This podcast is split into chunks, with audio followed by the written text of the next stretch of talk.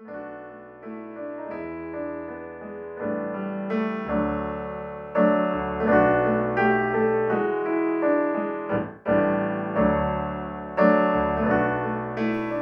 ik ben Amalia en je luistert naar Taboelicus. We horen allemaal wel eens verhalen over tienermoeders, hebben er waarschijnlijk wel wat vooroordelen over of praten erover met onze vrienden op café. Maar de meeste van ons weten eigenlijk niet waar ze het over hebben. En daarom ga ik in deze podcast zonder expertise, maar met veel nieuwsgierigheid, bewondering en goesting in gesprek met tienermoeders, tienervaders en tieners die ooit kozen voor abortus. Veel luisterplezier! Um, ik begin altijd met dezelfde vraag en die is: waarom wil je meedoen aan deze podcast? Waarom? Omdat ik uh, andere mensen wil bijbrengen hoe dat een tienerouder hun leven eruit ziet en dat het ook wel positief kan zijn en dat het niet alleen negatief is. Mm -hmm. Dus daarom doe ik mee. En dat het zo weinig mogelijk taboe nog mm -hmm. is. Ja, want het is inderdaad wel echt nog een het is een heel groot taboe, een heel grote. En dat gaat niet op een, een of andere dag gaat dat natuurlijk niet weg.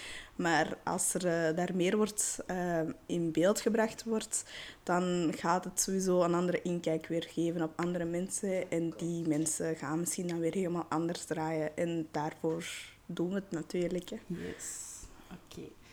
Um, stel jezelf eens voor voor de luisteraars die jou niet kennen. Um, ik ben Laila, ik ben um, 22 jaar en ik ben mama geworden op mijn 14. Ik had een heel fijne jeugd. Ik ging uit, ik ging heel vaak met vrienden, vrienden, vriendinnen weg. Ik ging heel vaak shoppen. Ik had eigenlijk echt een enorme luxe leven, als ik het zo mag zeggen, want ik ben enigs kind. Dus um, ja, dat was eigenlijk echt enorm veel voordeel, want ja, je kreeg elke keer wel wat meer tegenover uh, een groter gezin.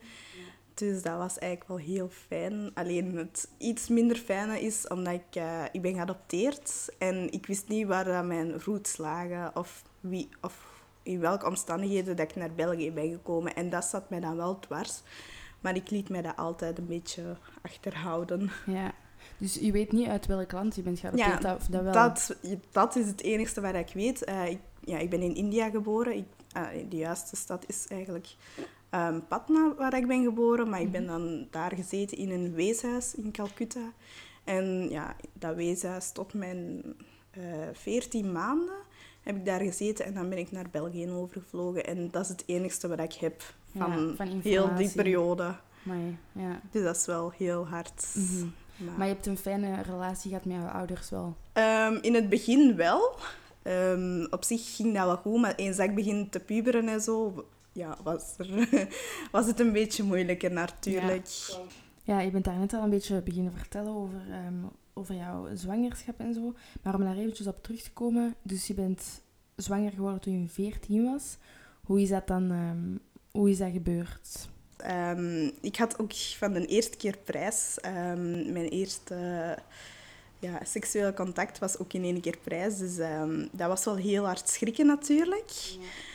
Um, want ja, de meeste mensen, de eerste keer is altijd fijn, maar bij mij was het dan helemaal omgeslagen natuurlijk. Um, dus uh, zodra dat ik het wist, um, dus wanneer ik het eigenlijk wist, was eigenlijk gewoon op een heel stom zomerkamp bij Kazoo. En ik, ik vond het al heel vreemd, want op die, die periode moest ik normaal ja, mijn maandelijkse uh, rode week krijgen, als ik het zo mag zeggen.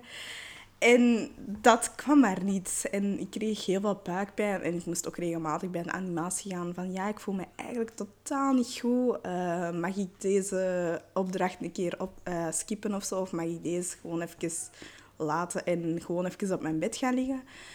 En ja, toen ik terug thuis kwam, ben ik toch beginnen opzoeken van oei, wat is er nu eigenlijk aan de hand? Want deze klopt natuurlijk niet. En ja, dan komt dat al heel snel uit op online testen en zo verder. Ik had mijn eerste computer gekregen van mijn ouders, omdat ik ja, schoolwerk daarop moest, uh, op moest doen.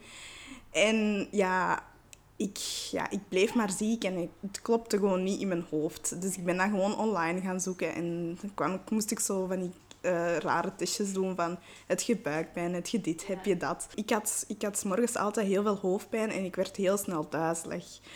En ja, dat is natuurlijk niet normaal als je, als je zo jong bent. Dus um, dat was vooral mijn hoofddingen. En toen begon het een beetje zo wat pijn in mijn rug. Uh, mijn borsten werden toen groter. En ja, op dat moment was het zo van... Nee, nee dit is helemaal niet meer juist. Nee. Dus je hebt dan wel een soort van voorgevoel of zo, dat het richting ja, zwangerschap eerder gaat? echt een buikgevoel. Ja. Echt puur een buikgevoel. Ja. Um, maar ik heb nooit een test gedaan. Ah, oké. Ik heb nooit een test dus gedaan. volledig online beginnen zoeken en dan zelf eigenlijk een zelfdiagnose, ik ben zwanger. Ja, inderdaad. Ik heb nooit een test gedaan. Um, ik heb dat zo maandenlang eigenlijk volgehouden om geen test te doen. Omdat ik wel schrik had dat het nu effectief wel zo zou zijn. Mm Um, ja. ja. Dus het was echt uit pure schrik dat je dacht, ik ga geen test doen, want dat bevestigt dan waarschijnlijk dat ik zwanger ben. En dan... Ja, dan inderdaad. En dan ontploft de boel eigenlijk, van wijze van spreken. En um, ja, dat heeft dat wel even lang geduurd. Maar ondertussen zijn ze dan ook wel bezig van, oei, hoe ver zou ik zijn? En dat was wel het moment van, ah, ik zou misschien toch eerder naar een dokter gaan of niet. Dat was ook het moment van, zou ik nu gaan of zou ik nu niet gaan? Maar uiteindelijk heb ik die dan nog, nog langer uitgesteld. Op een bepaald moment, um, want mijn ouders wisten daar ook nog helemaal niets van, uh, totdat ik bijna zes à zeven maand was.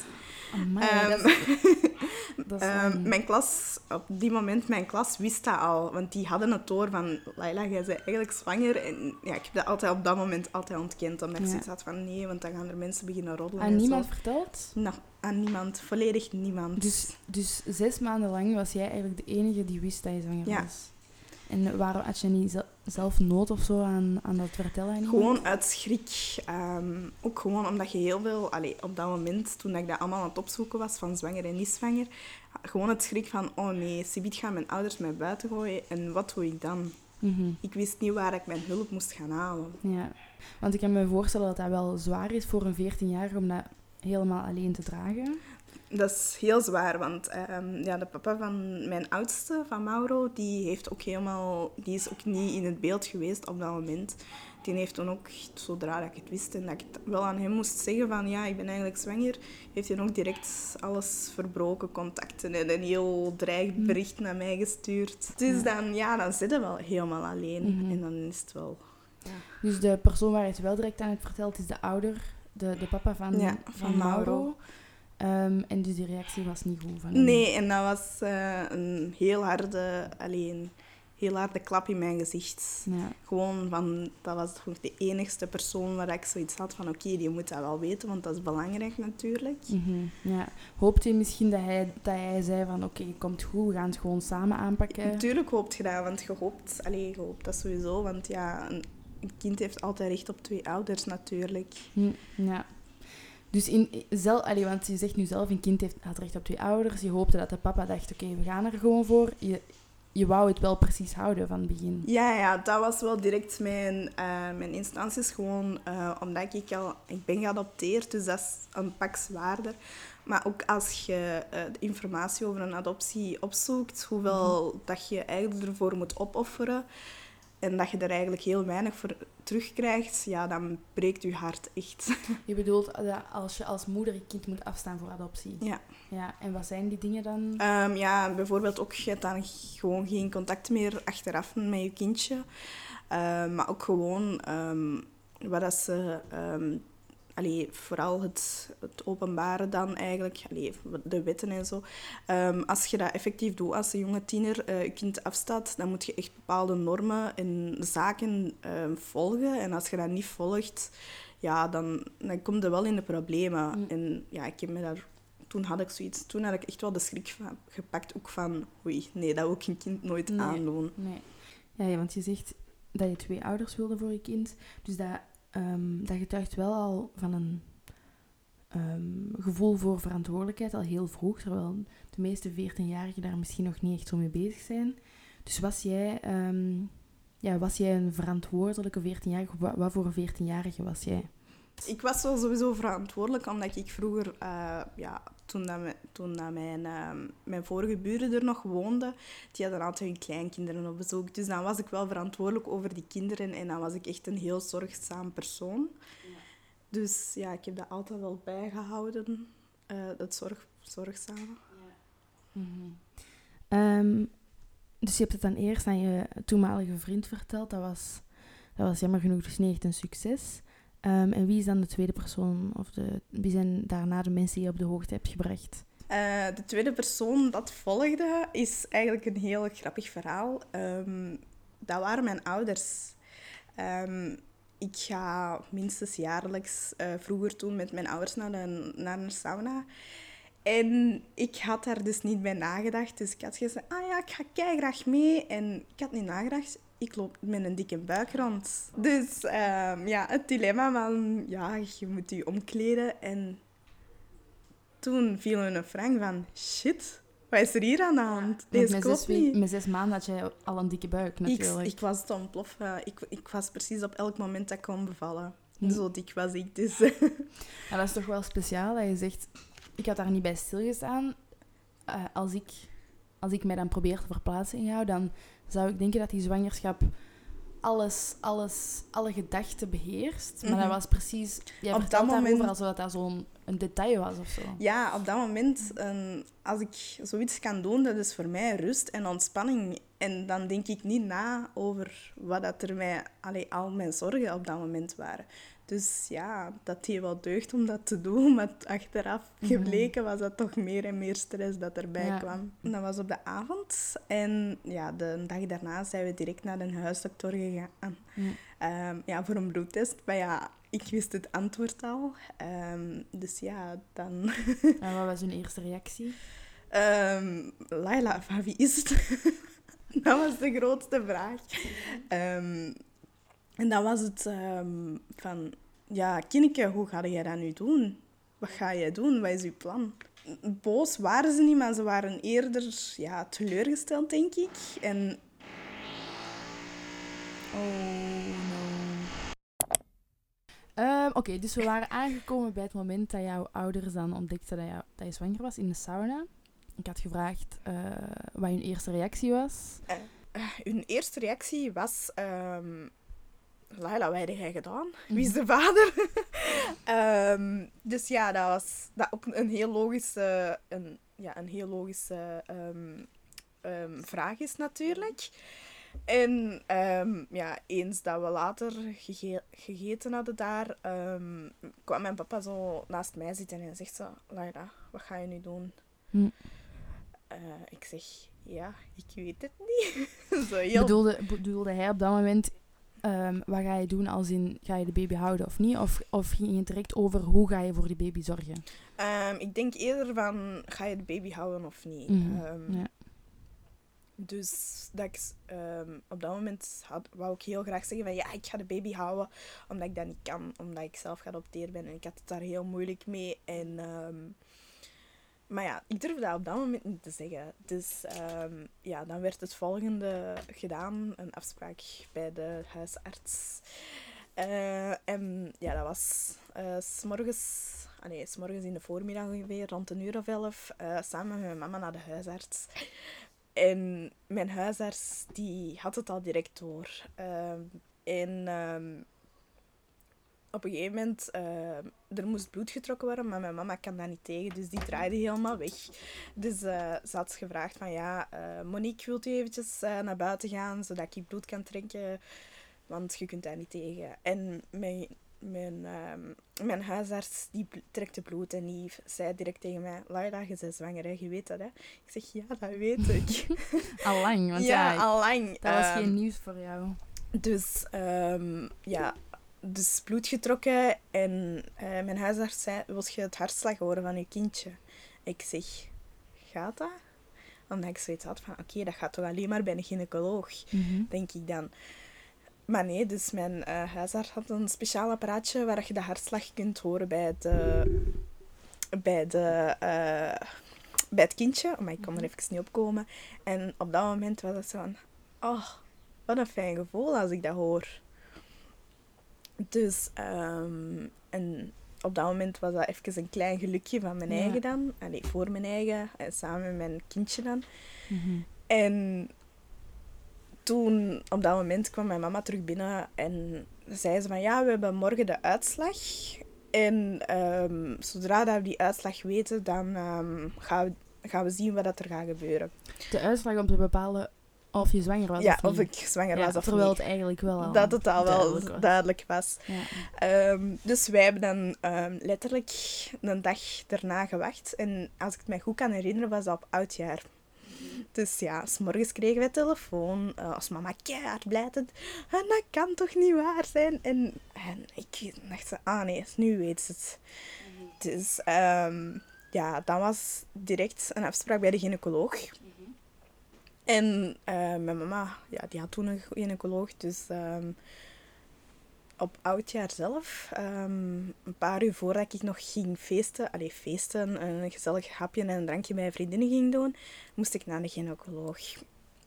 En ehm, dat was de gynaecoloog van mijn mama. En ik keek al rond naar de, naar de geboortekaartjes. Ik was al bezig met een naam aan het uitzoeken. En mijn mama was dat ook heel stiekem ook aan het doen van... Oh, dat is precies wel een schone naam, hè. En dat was voor, voor mij zoiets van... Oké, mijn mama gaat hier precies nog vrij goed mee om. En die wil precies ook wel dat, dat we het kindje houden.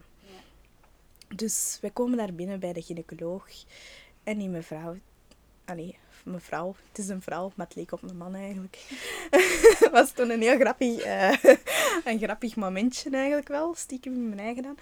En ehm, die zei, ja, Kinneke, wat heb jij nu gedaan?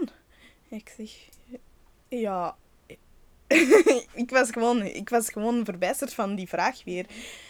En ehm, die, me, die, ja, die mevrouw die was heel brut. Die Ja. was, maar dat is, denk ik gewoon, die persoon is zo heel brut. Dus die, die persoon zei in één keer, ga maar op tafel liggen.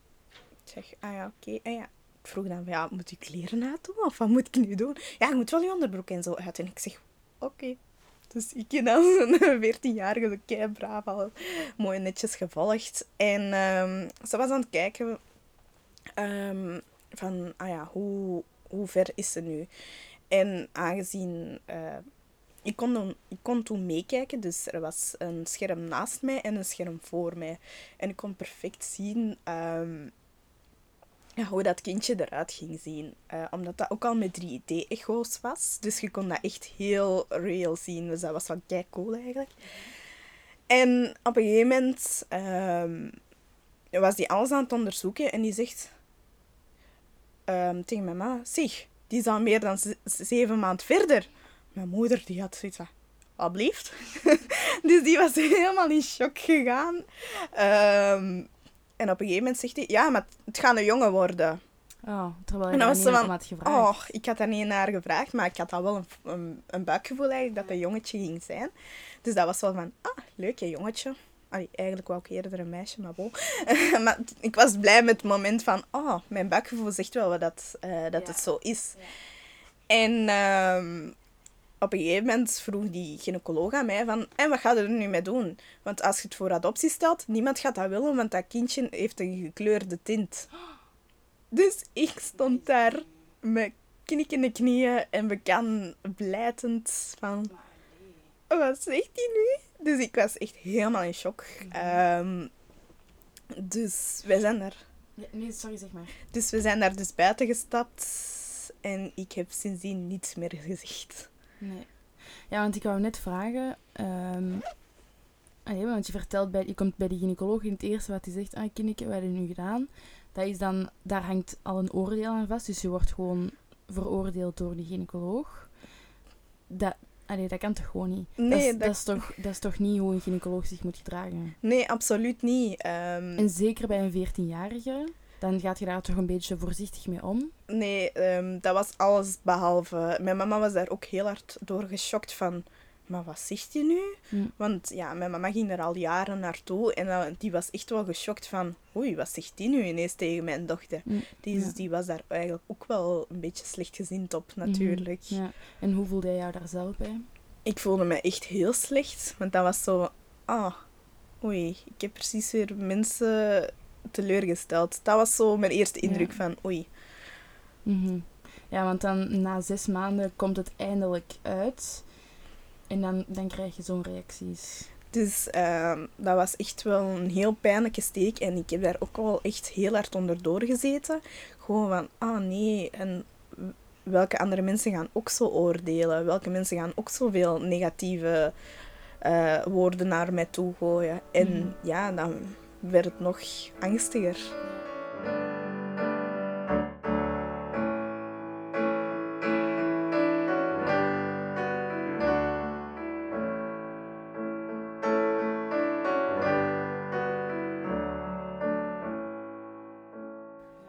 Ehm, ik had opgeschreven jouw mama, die, die, toen hij de telefoon oppakte, begon die te huilen. Is dat dan het eerste moment waar dat je hebt gemerkt dat zij echt wel moeite had met het feit dat je zwanger was? Ik denk eerder ehm, enorm veel moeite. allee, enorm veel ehm, emotie, emotioneel.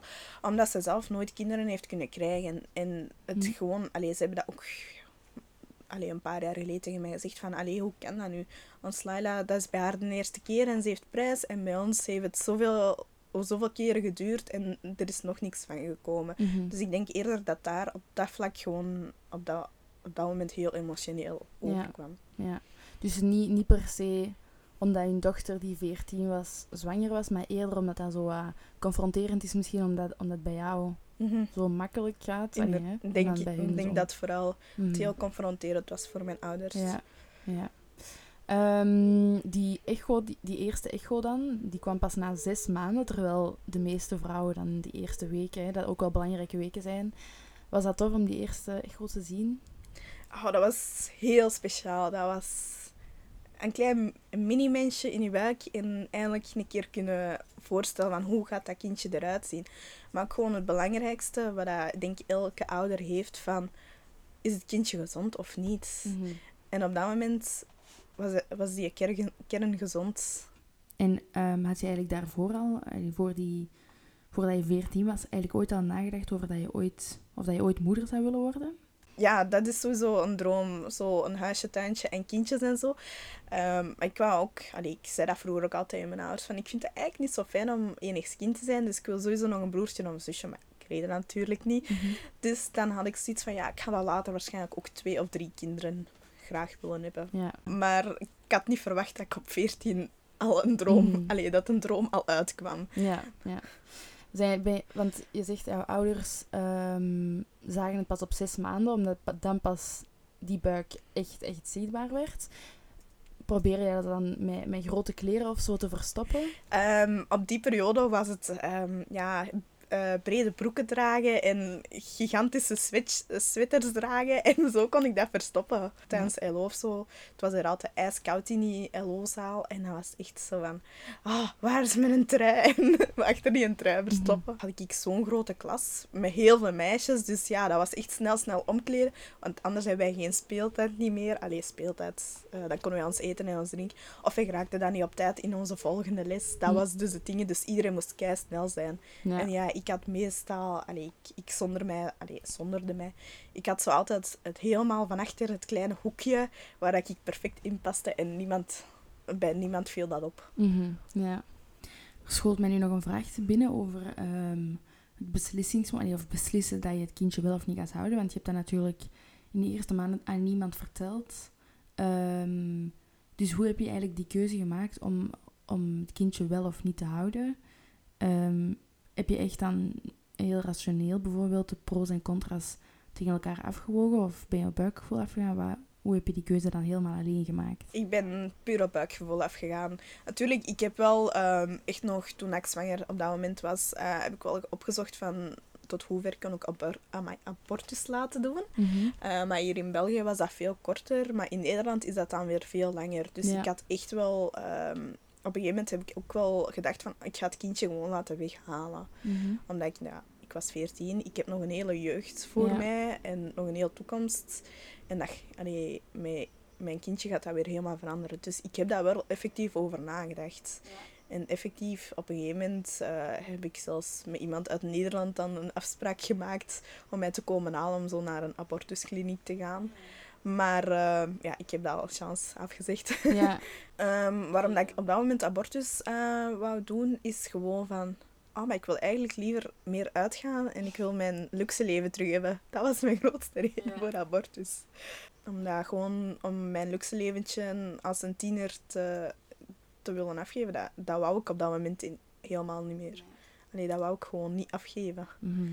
Ja, dat is ook wel logisch natuurlijk. Hè? Allee. Natuurlijk, dat is heel logisch. Want ja, als 14-jarige weet van, ah ja, ik moet nog zoveel jaar studeren en dan kan ik eindelijk gaan werken. En met dat Ja. geld kan ik een auto kopen en een huis. En Mhm. ook gewoon ehm, op dat moment was ik bezig met wedstrijddansen, eh, nationaal en zo. En ja, dat moest je dan ook opgeven. Dat is- Maar eh, af- achteraf gezien was dat echt wel de moeite waard. Want eh, met dat ik mama ben geworden, heb ik veel meer bereikt tegenover als ik misschien geen mama was. En als je nu zo terugdenkt aan die hele zwangerschapsperiode, wie is dan iemand waaraan je echt, echt veel steun hebt gehad gedurende heel die periode? Ehm, eerder vooral, vooral eigenlijk aan mijn kindje dat nog in mijn buik zat. Omdat ik daar, allee, daar kon ik letterlijk uren aan vertellen, zo s'avonds in mijn bed of zo.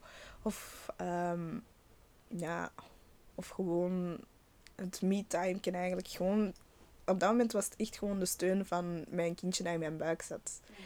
En ehm, achteraf, toen dat, allee, mijn ouders het wisten, had ik heel veel steun aan mijn grootmoeder. Ehm, want die was, dat was de enigste persoon dat blij was. Die, zodra dat die ook het wist van... Oh, Slaina is zwanger. Oh, ik kan het nog meemaken. En, dan nog, en dan moet ik daarvoor zo oud worden. En ik maak dat nog mee. En zo, ging- zo ging het altijd. Dat was vooral mijn... Allee, dat was mijn... Dat was mijn zin om er toch nog verder voor te gaan. Ook mijn, eh, mijn grootmoeder, die heeft altijd een heel eh, moederlijk figuur voor mij geweest. Mijn mama nooit echt eigenlijk. Dat is vooral mijn grootmoeder. Dus ja, dat was ook mijn voorbeeld een beetje. Dus, en als zij hoorde van als ik het kindje dan toch voor adoptie of abortus ging laten doen, die zou er echt kapot van zijn gegaan. Ja. Dan zullen we eens overgaan naar ehm, de bevalling zelf. Hoe keek jij uit naar die bevalling tijdens de zwangerschap? Hoe stond je daar tegenover? Ehm, heel veel schrik. Ehm goh, niet direct. Eh, want in de tijd met de eerste echo en dan de tweede echo dat volgde, ben ik ehm, geswitcht van gynaecoloog. Mhm. En mijn, eh mijn gynaecoloog dat ik het laatste had, was echt wel een heel goeie. Die heeft ervaring gehad met jonge tienerouders die dat jong ehm, mam- eh, ouders zijn geworden. En die heeft mij daar wel door heel goed doorheen begele- begeleid. Er kwamen natuurlijk wel veel complicaties erbij, want ja, ik ben 14, ik ben nog, allee, ik ben klein. Dus ja, dan was het een heel gedoe van gaat het natuurlijk natuurlijk gaan of via een keizersnede. Mhm. Maar dan heeft de gynaecoloog ook gezegd van ja, wat is u? Wat wilt jij? Ik zeg van ja, het liefst een natuurlijke bevalling, omdat dat, ja, omdat dat vaakste wordt gebe- ge- eh, gebeurd. Dus ja, ik wil dat ook wel meemaken natuurlijk. Ja. Ehm, je zegt die gynaecoloog, die, die was gespecialiseerd of die had al veel jonge moeders gehad. Wat is dan die specifieke steun voor tienerouders? Waar, waarin heeft Ehm, die specifiek geholpen? Hoe dat hij het, hoe dat die persoon het heeft aangepakt, verstonden dat ook beter. Die legde dat echt op het niveau van het kind uit en niet Ja. het niveau van volwassenen uit. Ja, en dat is wel waar hij nood aan had, dat het op een, Ja, op- ja, een manier wordt uitgelegd dat jij als kind... Het begrijpt en niet ja. als volwassene met alle moeilijke termen dat, er, Mhm, dat ze zeggen. En als je dan nu terugkijkt op heel die periode van jouw zwangerschap, kan je dan zeggen dat dat in het algemeen wel een positieve ervaring is geweest voor jou? Ehm, er zijn sowieso positieve ehm, punten daarin. Ehm, er zijn heel veel posi- positieve momenten. Maar er zijn, om het helemaal positief te ervaren, dan nu ook weer niet. Hm. Eh, gewoon omdat dat heel veel emotie en heel veel ehm, energie meegeeft. dat dat op een gegeven moment echt wel vermoeiend wordt. Mhm. En dat dat echt wel niet leuk is Nee. vooral ehm, heel veel ehm, angstig en zich alleen voelen. Ehm, gewoon omdat je als 14-jarige, je kunt nog niet helemaal volledig direct bij je ouders terecht, omdat die dat nooit zelf hebben meegemaakt. Mhm. En op dat moment is het heel fijn om lotgenoten te zoeken, maar dat is niet altijd even simpel. Nee. Mijn angst was, eh, omdat ik zo jong was en ja, ik moest naar school gaan en zo. En als Mhm. dat, als dat niet te combineren valt, misschien gaat er iemand mijn kind dan afpakken. Dat was vooral mijn grootste angst. Ah, ja, oké.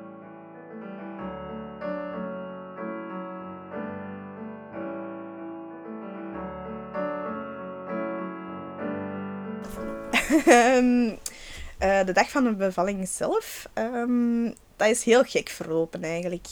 Ehm, ik ben op een donderdag bevallen, maar de dag ervoor, woensdag, eh, was ik nog naar de gynaecoloog gegaan samen met mijn papa toen.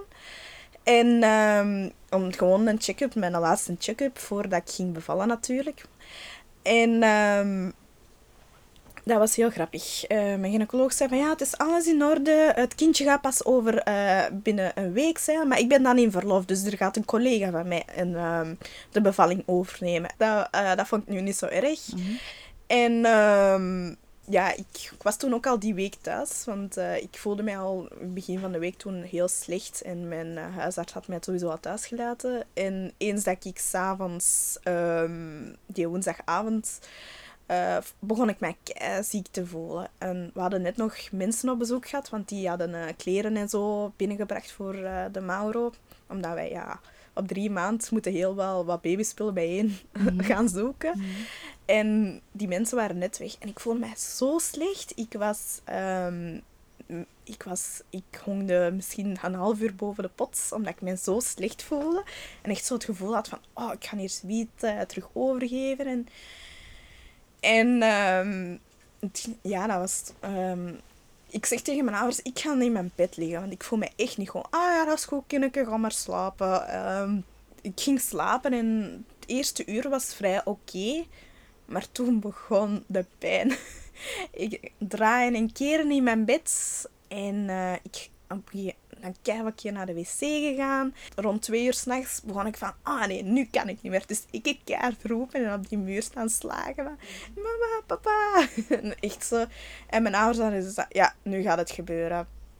Dus mijn ouders zijn letterlijk heel hard over de baan. Ik denk dat, uh, ik denk dat ze bekend 120 aan het rijden op een baan van 70 km per uur. Dus uh, en, uh, ja, wij wonen maar een half uur op dat moment van het ziekenhuis af, dus dat was vrij oké. En um, wij komen daar aan in het ziekenhuis en um, wij zeggen van ja, mijn dochter moet bevallen. Die mevrouw die keek al zo aan van oei, um, Oké, ja. Dus ja, die sturen ons naar boven. En... Die keek jou eens aan omdat jij jong ja, was? die, die verschoot enorm hard, ja. want die had dat nog niet meegemaakt. Ik ja. denk dat dat gewoon het probleem was. Mm -hmm. En ja, die stuurt ons naar boven en wij worden heel goed onthaald uh, eens in het ziekenhuis. Wij komen in die kamer, wij zitten ons en ik zeg... Ik, allez, ik roep eigenlijk tegen die verpleegster, waar is die epidurale? Wat de gynaecoloog had beloofd. En op een gegeven moment kwam, kwam die anesthesist, denk ik dat het, het juiste woord is, mm -hmm. kwam binnen en zei, ja, we gaan u een ruggenprik geven. Ah, eindelijk. Dus ik was kei blij. En dan heb ik mijn ruggenprik gekregen. Uh, ik denk dat denk ik drie, vier uur ertussen was. Allee, dat er ongeveer het uur was. En uh, toen was het eigenlijk heel rustig. Regelmatig kwamen de verpleegsters een keer checken. Mm. En alles liep heel rustig er stonden in één keer uh, de vroedvrouw stond bij mij, uh, de gynaecoloog zelf en mijn huisarts en nog wat studentjes dat er ineens bij Ineens het hele team stond en hij zei maar, ah hallo, echt zo met een hele slaapkop en um, die zeg, uh, een van die studentjes die zegt van ja, mag ik proberen? Ik zeg ja, doe maar. Proberen? Zegt, ja, om um, om te voelen hoeveel centimeter ah, dat ja, ontsluiting had. Ja. Ik zeg van ja, doe maar, want jij bent hier ook om te leren. En um, want, uh, die, die verschoot in één keer van... Ah, uh, die heeft al uh, ontsluiting. 10 centimeter ontsluiting. En mijn kop, ik denk dat ik echt nog nooit zo bleek zag. gewoon van... Oei, nu is het zover. En dan is mijn bevalling...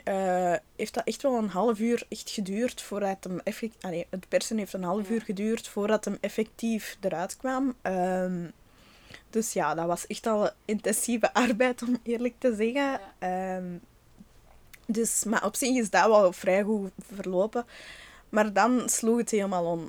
Um, onze Mauro die een, uh, kwam ter wereld en die reageerde niet.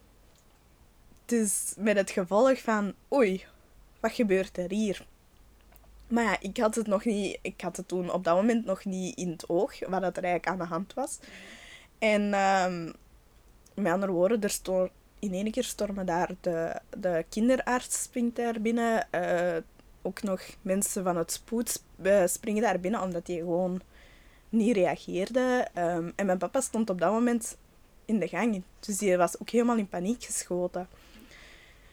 En dan op een gegeven moment ehm, horen wij ehm, iemand roepen van ja, hij is er doorgekomen. Dus die heeft letterlijk een half uur zonder beademing gezeten. Maar ehm, ja, op een, ze weten nog altijd niet wat dat er op dat moment gebeurd is of zo. Een half uur zonder Ja, ademhalen. z- zonder ja, dat hij eigenlijk leven, levensloos was. Dus ehm, ja. Ja, je vertelt nu zo over die hele bevalling. Super vrolijk. En Ja. was, dat, was dat op dat moment zelf ook zo? Of, of... Goh, ehm, voor mij was dat wel vrolijk, omdat ik wist van eindelijk ga ik mijn kindje in mijn armen kunnen hebben. Eh, maar ja, toen, dat ik het, echt- allee, toen dat ik het hoorde wat dat er dan juist allemaal aan de hand was, was dat zo Mhm. van...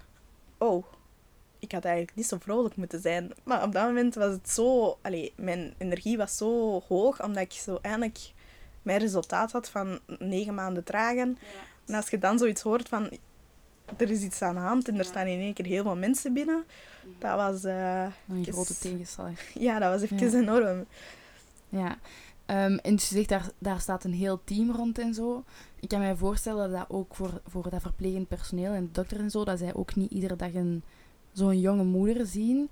Voelde jij jou echt geaccepteerd en op je gemak? Of voel jij misschien toch zo wat oordeel eh, van het team of zo? Ehm, vooral van die studenten, omdat die dat nog nooit hadden meegemaakt. En ehm, er is ook effectief een student naar mij achteraf nog toegekomen van... ehm, mag ik u een keer interviewen? Want ehm, mijn, ik heb mijn cursussen gehad over bevallingen en zo, maar niet bij jonge ouders. En ik zeg van ja, kom maar langs als ik, als ik op mijn plooi ben. Maar die waren echt enorm hard geschokt.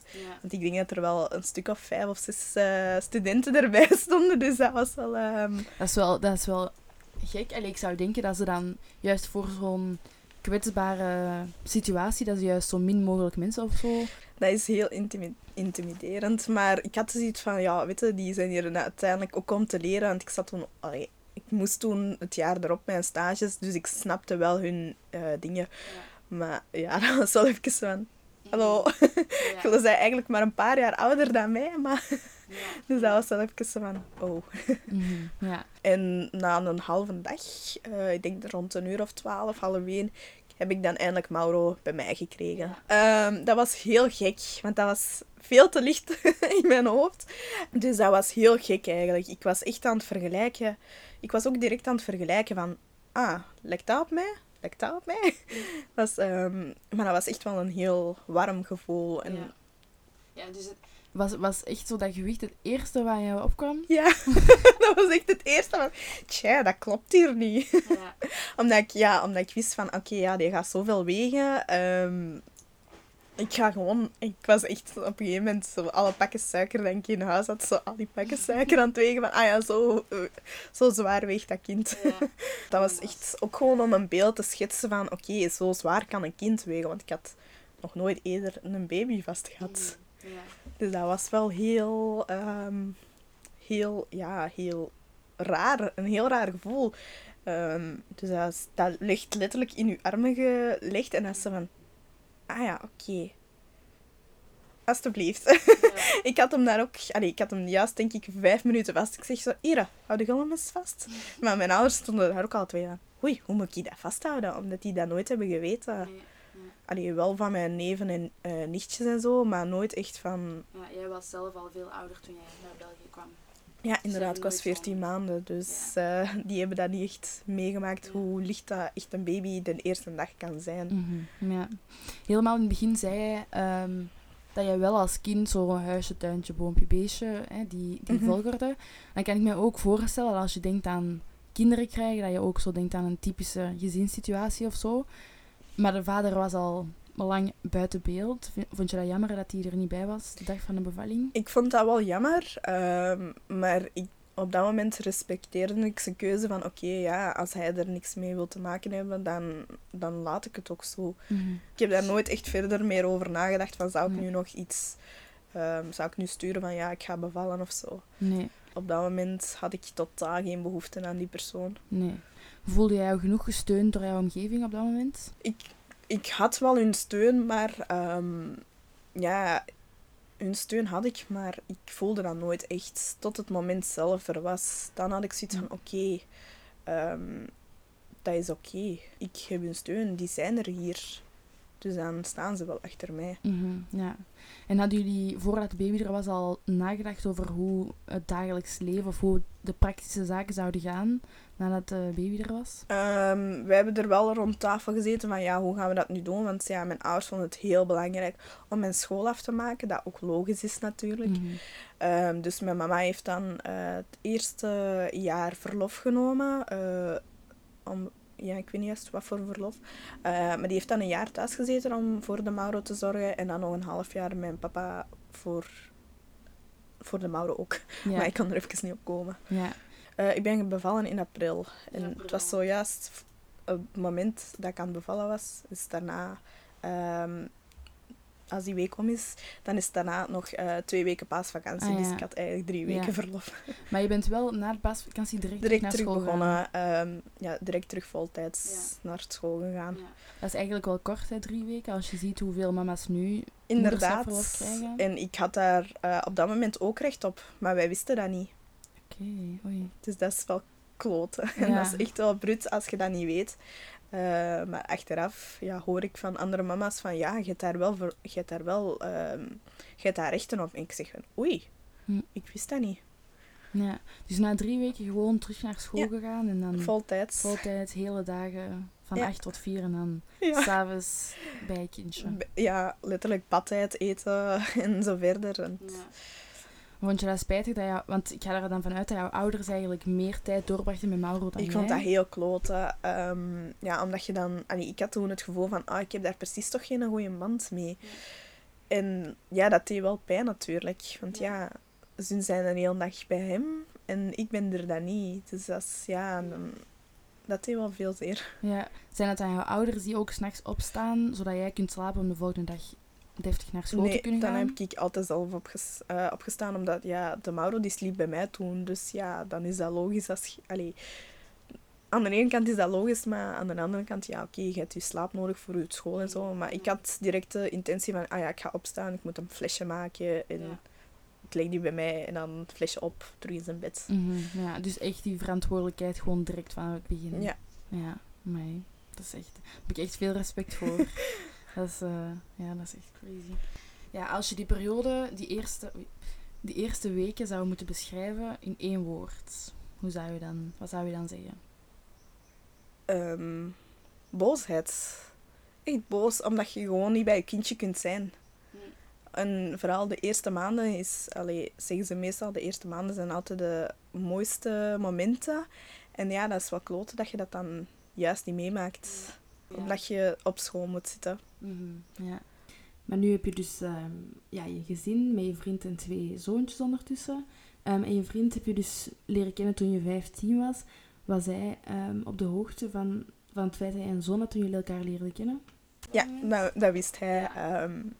En hij vond dat... hij vond dat niet oké. Ah, niet oké. Allee, die vond dat op, dat moment van... Ah, je hebt een kind. Eigenlijk wil ik niks met je te maken hebben.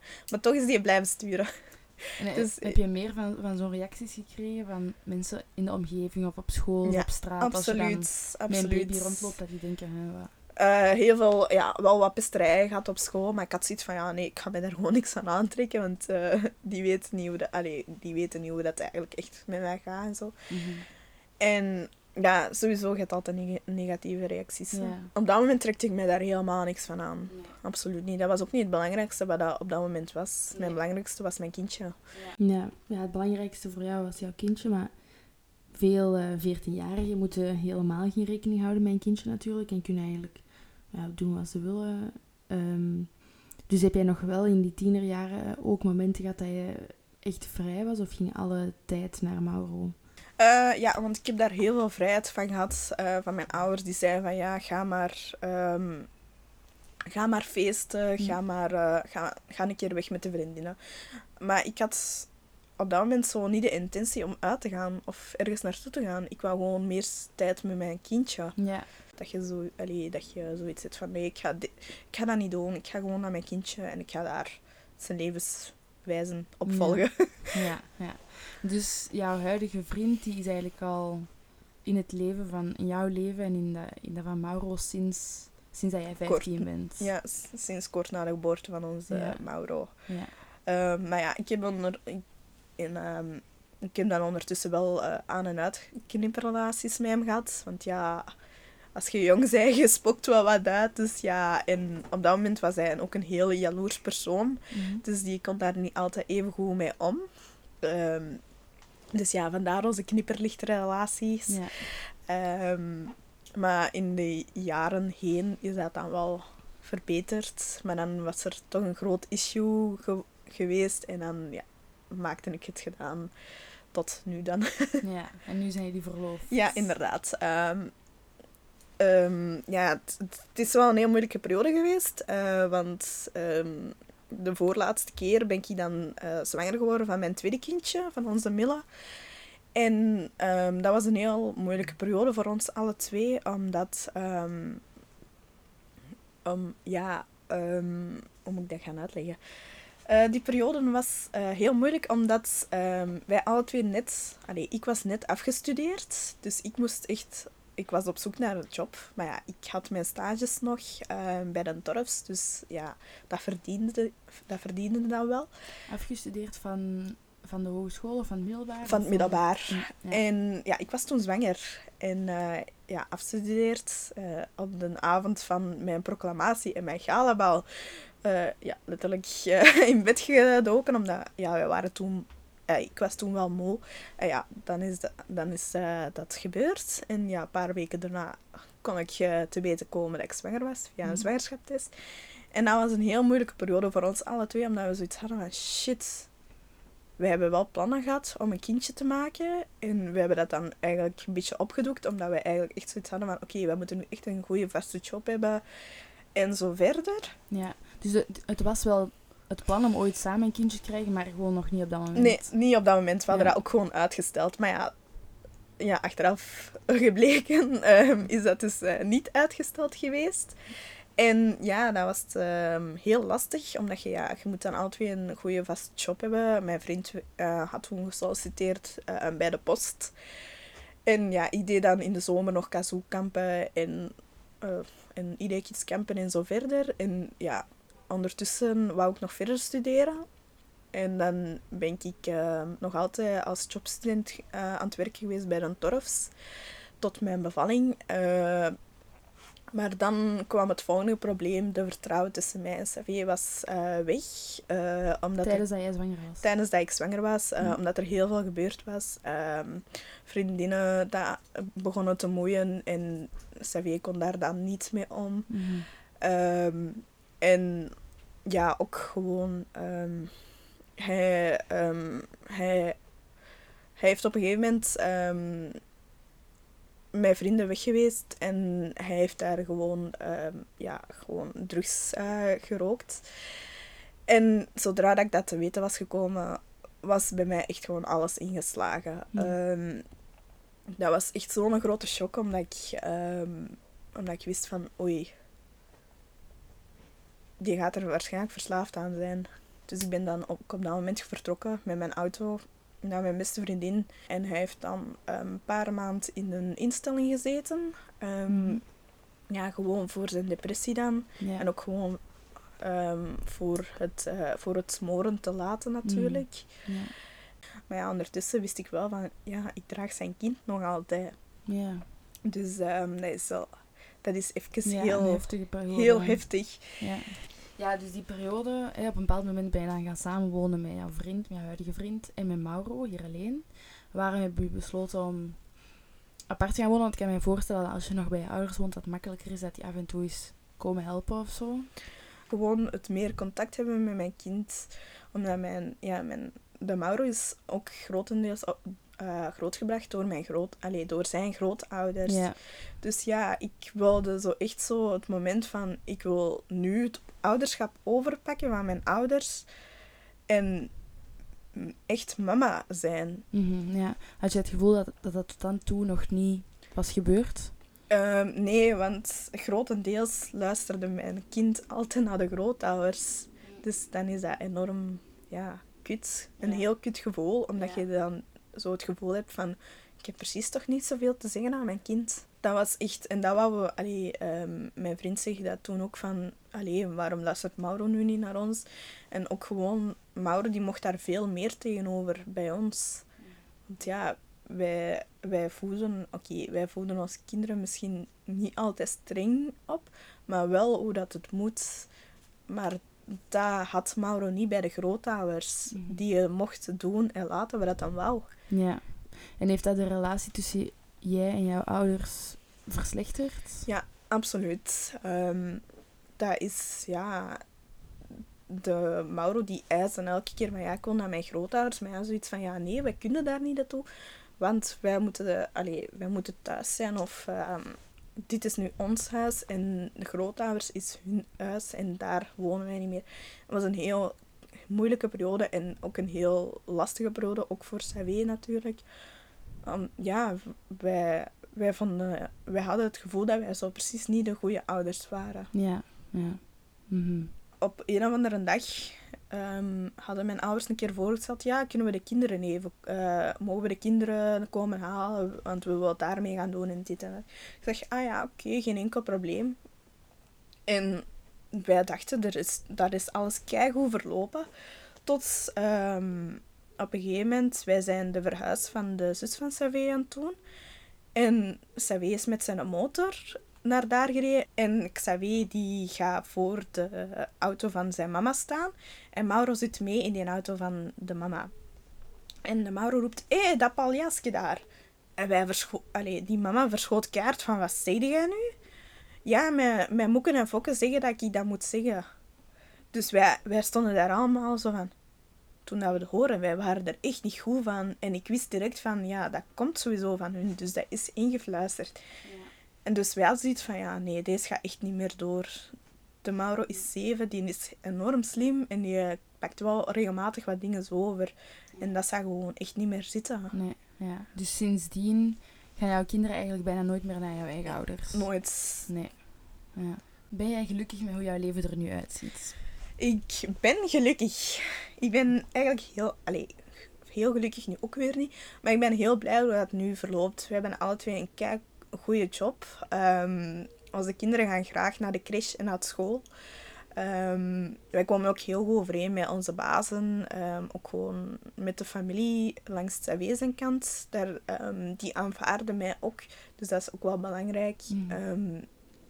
dus op deze moment ben ik wel gelukkig. Ja, ja.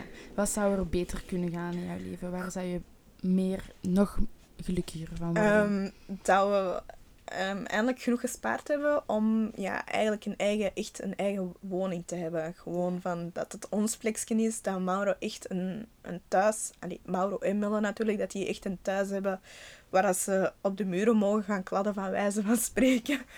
Ja, want dit, dit appartement is... Dat is een huurappartement. Ah, ja. Oké, ja. Oké. Okay. Uh, dan nog een laatste vraag die ik altijd stel. Heb je nog een boodschap voor de mensen die gaan luisteren? Mijn boodschap dan toch aan de mensen is van stel dat ze zoiets meemaken, luister ook wat, dat het, wat, dit, wat dat die persoon wilt. Uh, want dat is het belangrijkste, want veel mensen maken al een, uh, maken al een antwoord klaar hoe dat ze het willen doen, maar grotendeels is dat niet hoe dat de persoon, die persoon het wilt dat dat helemaal niet zo is. Je bedoelt dat de omgeving goed moet luisteren naar wat de moeder of de vader ja, zelf inderdaad. Maar dat, dat, is denk ik het belangrijkste dat er is. Hm. Ja. Oké, okay, top. Super erg bedankt dat je wou meedoen. Graag gedaan. Met veel plezier.